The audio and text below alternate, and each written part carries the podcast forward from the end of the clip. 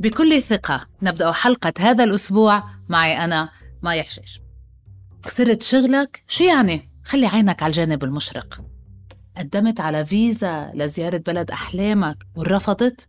خيي كل شي بيصير لسبب ومية سبب تعبان وما إلك جلاد تروح على عزيمة؟ إيه خليك هيك على فكرة السعادة اختيار أنت فيك تاخد القرار أنك تكون سعيد اليوم ذكرى وفاة شخص عزيز عليك. وبعدين يعني موف اون زهقتونا يا عمي. يا عمي شوف الحياة الحياة حلوة.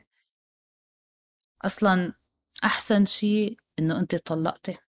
إيه ليه منك مبسوطة وقاعدة عم تبكي وتزعلي بحالك مئة مرة؟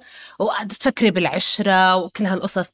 خلصينا المفروض تكون كتير مبسوطة عايشة بحالة من النعيم والفرح لسنوات بلا ما تدمع عينك دمعة وحدة. متى تصبح الإيجابية المفرطة سلبية؟ وشو هو الجانب الأسود للتفاؤل؟ هيدا هو موضوع حلقة البودكاست اليوم واللي حيكون عن الإيجابية السامة. أنا مايا حجاج. حنعرف مين الإيجابي السام بحياتك وليش عليك أنك تتجنبه وما هي العبارات التي تساعدك على معرفته حتى لا تقع ضحيته. مع خمسة نصائح بآخر الحلقة بتساعدك على التصرف. عزيزنا مستمع بودكاست بكل ثقة. لأي سبب من الأسباب علي الإيمان أنه بكل الظروف حتى لو كانت سيئة يجب أن أفكر بطريقة إيجابية. وأكون متهيئ لأسوأ السيناريوهات. حتى أتمكن من إخراج نفسي من هذا الظرف الصعب أو الإحساس المؤلم. ولكن على شرط ألا أحرم نفسي أثناءها من الشعور بالضيق والحزن. البشر مش مبرمجين بس لحتى يشعروا بالسعادة تذكروا. هنا بيجي شخص الإيجابية الزائفة وبيفتي طبعا بكل سطحية بأنه مش مسموح لك تشعر بالغضب أو الحزن أو تفقد الأمل لأنه هيدا في قاموسه يعني أنه شيء سيء جدا. هون بيجي الشخص ذو الإيجابية الزائفة وبيفتي بكل سطحية بأنه غير مسموح لك الشعور بالغضب أو الحزن أو خيبة الأمل لأنه هذا في قاموسه شيء غلط. وتدني الروح المعنوية أمر غير مقبول وغير صحي على الإطلاق. ومن المحرمات أنك تشعر بالضيق أو حيبة الأمل أو الانهزام أو حتى القلق. بينما أحيانا بكل بساطة بيكون قلبك مكسور your heart broken في هاي الحالة شو بتعمل مثلا؟ إذا فقدت عملك أو اكتشفت إنه صاحبك ليس بالمصداقية اللي كنت بتعتقدها. أو حتى يعني أحيانا أحيانا بيكون بس يومك طويل ودمه كتير تقيل أتقل من دم الشعب الألماني. هل يجب عليك أنك تضل إنسان positive وتتحاشى البوح بمشاعرك وتتجاهل الإحساس بالحزن والكدر وترسم ابتسامة باهتة كاذبة على وجهك؟ هل يجب عليك الشعور بالسعادة 24 ساعة باليوم سبعة أيام بالأسبوع؟ مش رح يولد هيدا الشيء ضغط عليك؟ خلينا بالأول نعطي تعريف وتوضيح لل toxic positivity الإيجابية السامة وأتفق مع معدة البودكاست تهاني لما بتطلق عليها أحيانا اسم الإيجابية الزائفة ومعناها التعميم الشامل والمفرط لمفهوم السعادة والتفاؤل ما يؤدي إلى حالة من النكران والتقليل من شأن المشاعر البشرية الفطرية الأخرى مثل الحزن والألم والخيبة. لا ينبغي أن تكون الإيجابية قيمة مطلقة وإلا أتت على حساب الصحة النفسية. لماذا تهدد الإيجابية السامة حياتنا على عدة أصعدة. لأنها تؤدي إلى الشعور بالخزي من طريقة تفكيرك ويولد الإحساس بالذنب لديك. معتقد أنك لا تنتمي لأنه مشاعرك غير سوية. بتوصل فيك إلى تفادي المشاعر الإنسانية الحقيقية والبقاء بمود الزن.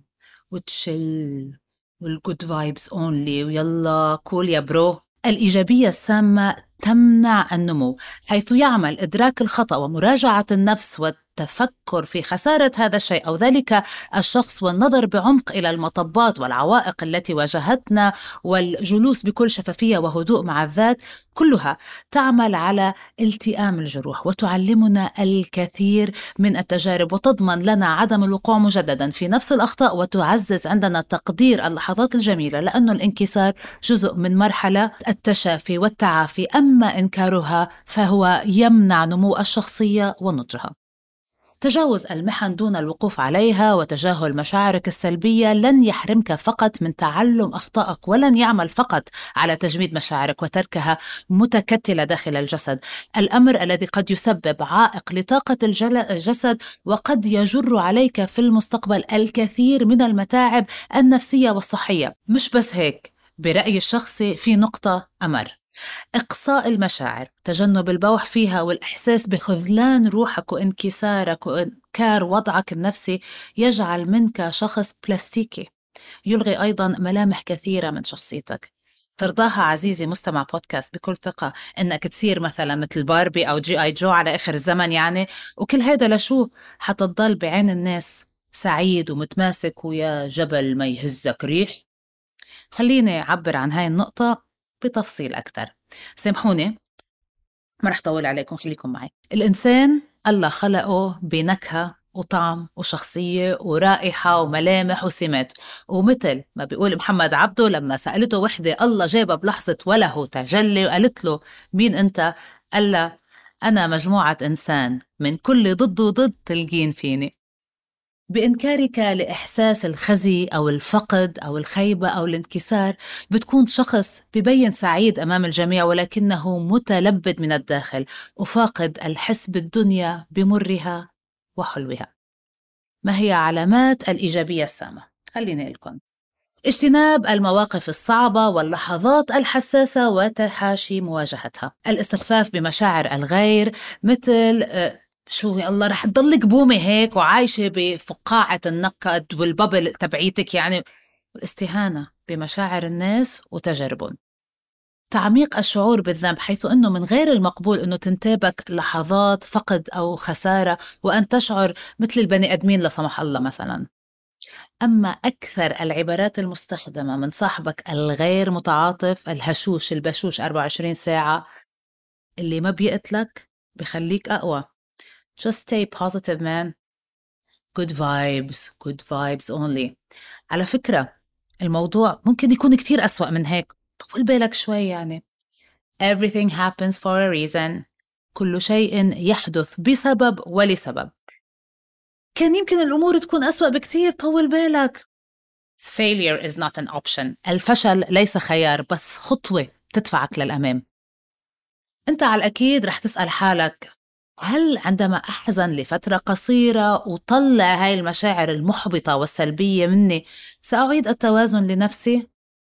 شو بعمل؟ أنا عزيزي مستمع بودكاست بكل ثقة رح طمنك بهذه النصائح الخمسة اللي رح تبعد عندك زومبي السعادة المفرطة اللي بخليك إنسان بلاستيكي أدرك أن نصيحة الشخص هذا غريبة لأنه يتحدث عن السعادة والروح المعنوية العالية اللي ما بيصير لا سمح الله تنزل. وأغلب الأحيان حتعرف أنه نصيحته غير مناسبة آه، غير مناسبة عندما آه، تعظ بالتفاؤل والنسيان الفوري بينما حضرتك بموقف صعب ما مر عليه دقائق يعني.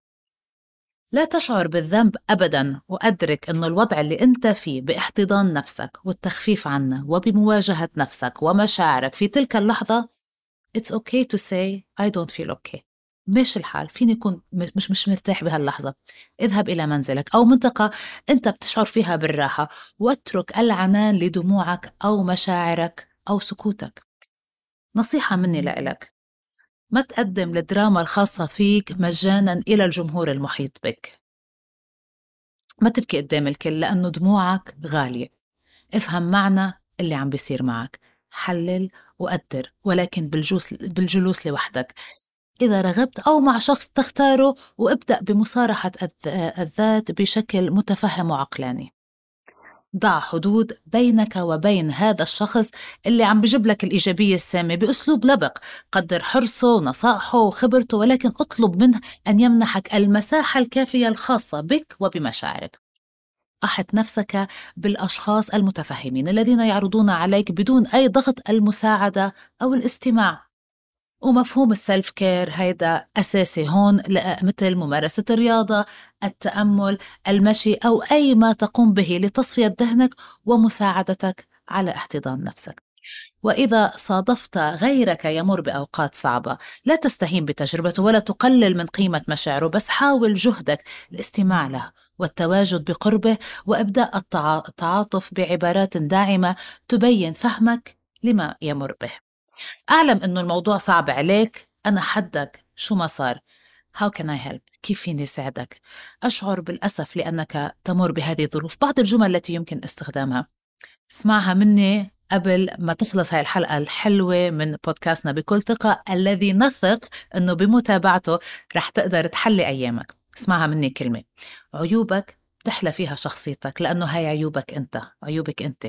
عالم ال social media اللي ما في آه، ملامح قهر ولا تجاعيد أو إحساس عميق محاولات مريرة لإخفاء الفشل والأوقات العصيبة على شبكات التواصل الاجتماعي هيدا ضد الفطرة. باختصار خيي خلي لك شوية طعمة. خليك إيجابي بس لما تتعب أو تحزن اعترف وعيش اللحظة بمرة بحزنة بألمها لحد ما تخلص وتنتهي. ما تخلي زومبي السعادة وعملاء الإيجابية المفرطة يأثروا عليك. خليك طبيعي أنت طبيعي. ختاما أرجو التنويه أن هذا البودكاست لا يستند إلى تجارب شخصية. هذا البودكاست هو مجموعة من التجارب الشخصية وآراء فردية ومقتطفات من أهم الأبحاث والمقالات العلمية.